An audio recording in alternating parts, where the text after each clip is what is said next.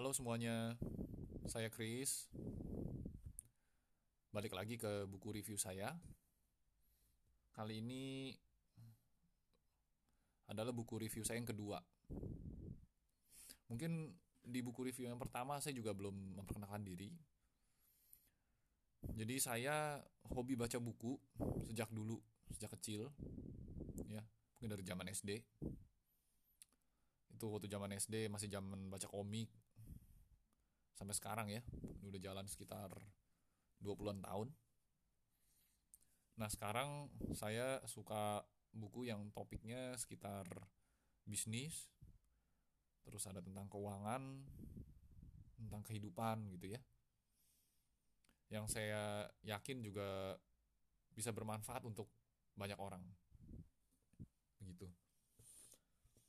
Nah di review buku yang hari ini saya mau review satu buku judulnya Start Something That Matters.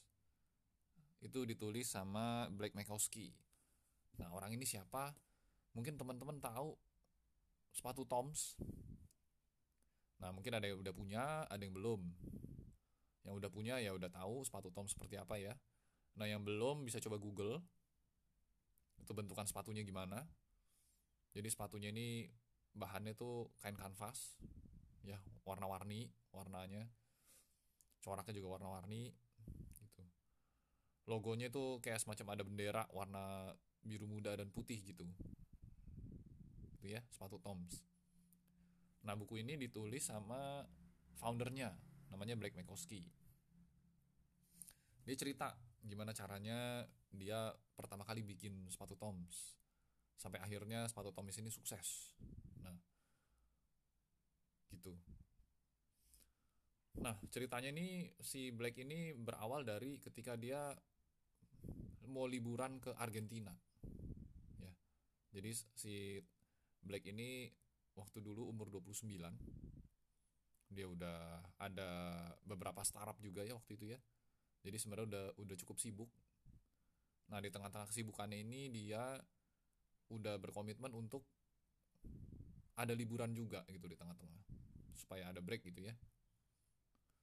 Nah jadi waktu dia liburan di Argentina ini dia sempat lihat banyak banget orang yang pakai sepatu namanya Alpargata. Jadi sepatunya ini modelnya tuh semuanya mirip. Bahannya kain kanvas warnanya juga itu-itu aja gitu.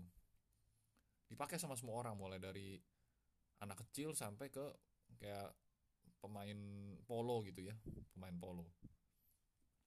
Nah terus nggak lama kemudian dia juga sempat ada ketemu sama satu orang Amerika juga yang ada di situ.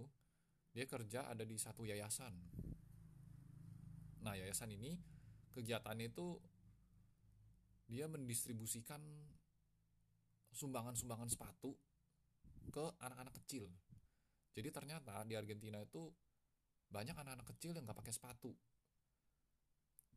Jadi kakinya juga gampang luka ya, jadi nanti bisa infeksi dan segala macam. Jadi waktu zaman itu banyak banget yang nggak pakai sepatu. Makanya jadi ada yayasan ini gitu ya. Jadi dia kegiatannya itu mendistribusikan orang-orang yang mau sumbangin sepatu ke anak-anak kecil ini gitu ya. Nah, terus si Black lihat nah ini kalau dari yayasan itu kan berarti supply untuk sepatunya kan nggak menentu ya tergantung dari sumbangan tergantung dari donasi. Jadi sebenarnya juga nggak bakal bisa konsisten gitu untuk untuk untuk ngebantu anak-anak kecil ini gitu. Nah makanya si Black kepikiran gimana kalau kita coba bikin bisnis aja gitu bikin usaha aja yang tetap tujuannya untuk ngebantu si anak-anak kecil ini gitu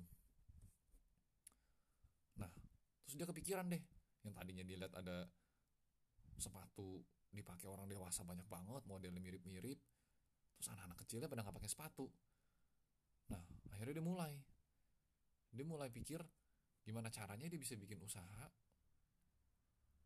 jualan sepatu di US tapi juga bisa ngasih sepatu ke anak-anak kecil gitu. Dia mulai coret-coret. Bahkan sampai dia udah ada bikin namanya. Ya namanya Toms. Toms itu dari singkatan Tomorrow Shoes. Ya jadi bukan nama foundernya ya nama foundernya Blake. Jadi nama sepatunya Toms gitu. Nah dia udah kepikiran nih ini ini mungkin bisa jalan nih.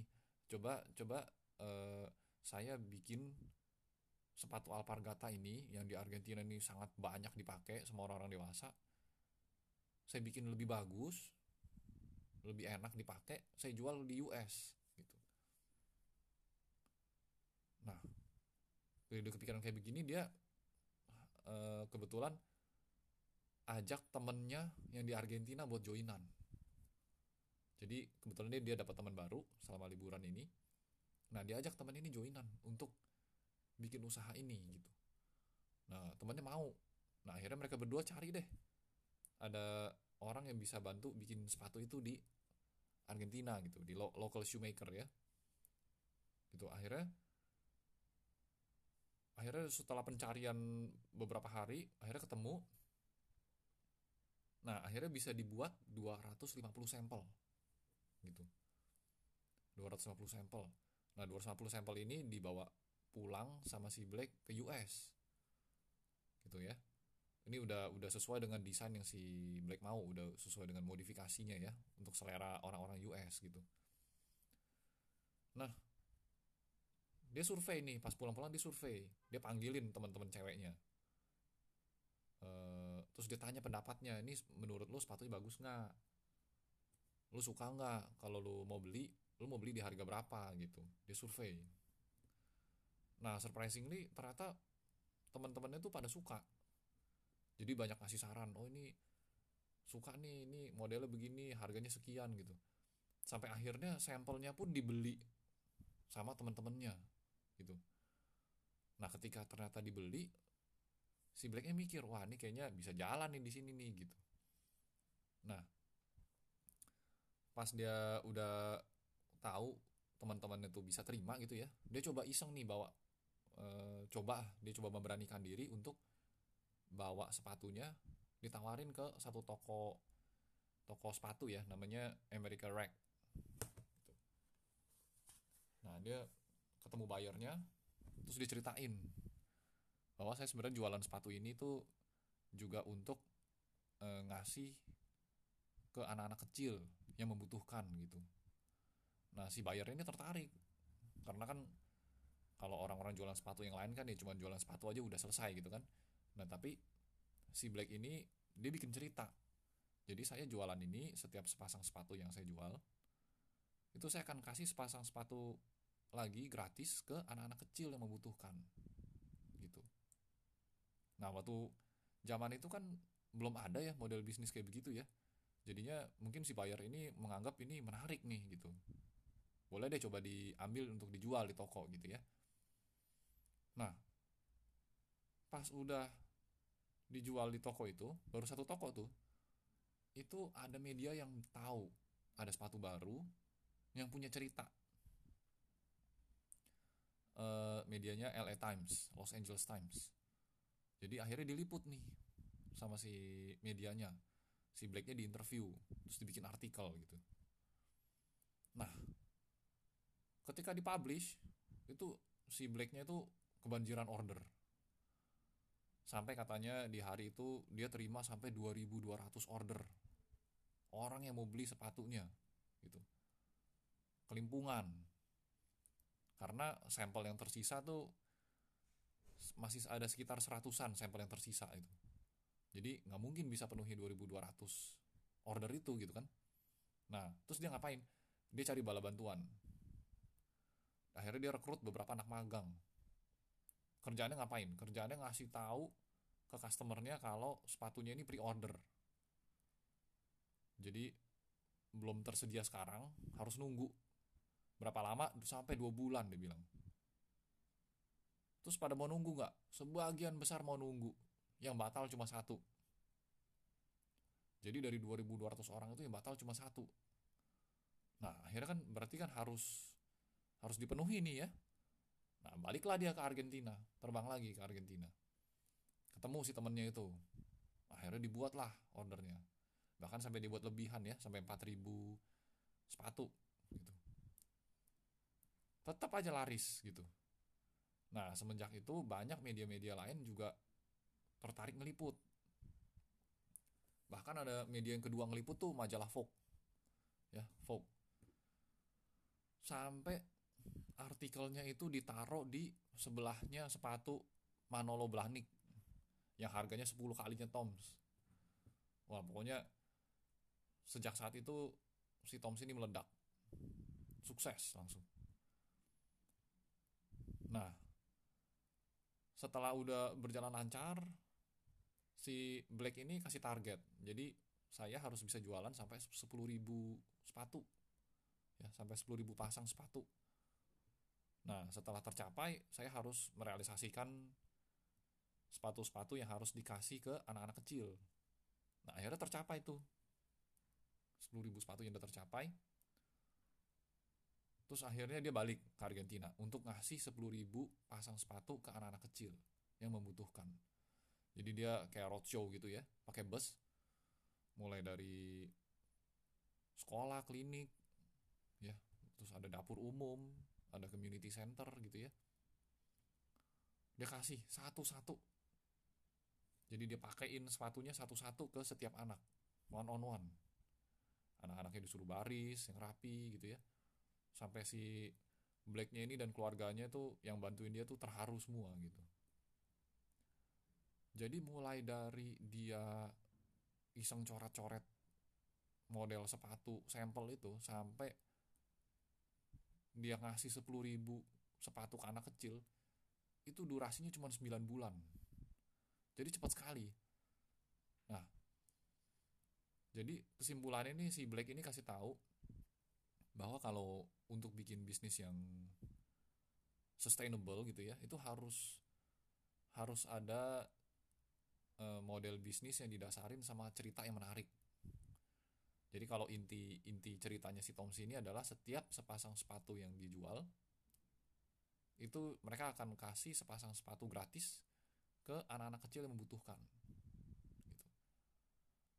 jadi one for one. Bahkan tagline one for one ini udah di udah dipatenin sama mereka ya.